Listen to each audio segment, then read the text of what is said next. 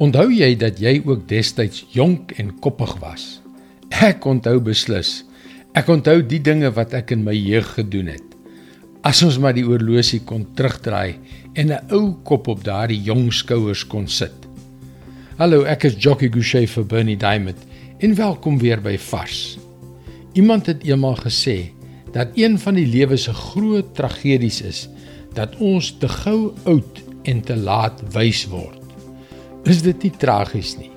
Wysheid, as ons dit hoegenaamd vind, is geneig om eers na lang jare waarin jy deeglik deur die werklikhede van die lewe verinneweer is te kom. Maar wat sou kon gebeur as ons al vroeër in ons lewens wysheid kon gehad het? Hoe sou dit gewees het as ons vroeër as diegene rondom ons wys was? Hoe anders sou jou lewe nie gewees het indien jy baie vroeër wys was nie? Kyk wat koning Salomo aan sy jong seuns te sê gehad het. Spreuke 3 vers 13 tot 18.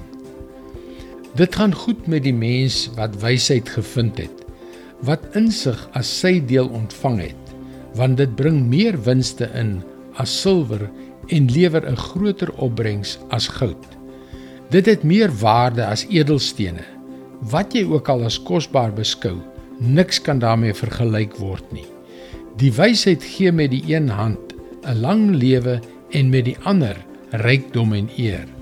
Die wysheid bring 'n ryk en 'n vol lewe. Dit is 'n bron van lewe vir wie dit aangryp. Dit gaan goed met die wat daaraan vashou. Ja nee, watter ongelooflike verskil kan God se wysheid aan ons lewens maak. Inderdaad, die seëninge van sy wysheid is onberekenbaar. Nou ja, doen jouself 'n guns. Word sonder om te aarzel wys, want wysheid is 'n seën vir diegene wat dit gevind het.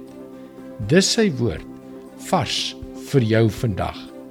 En God se woord sê dat as enigiemand van ons wysheid kortkom, laat hom dit van God bid en dit sal aan hom gegee word. En die goeie nuus is dat jy indien jy na vorige vars boodskappe wil luister, hulle ook almal op Potgooi beskikbaar is. Soek vir vars vandag op Google of op 'n Potgooi platform so Spotify.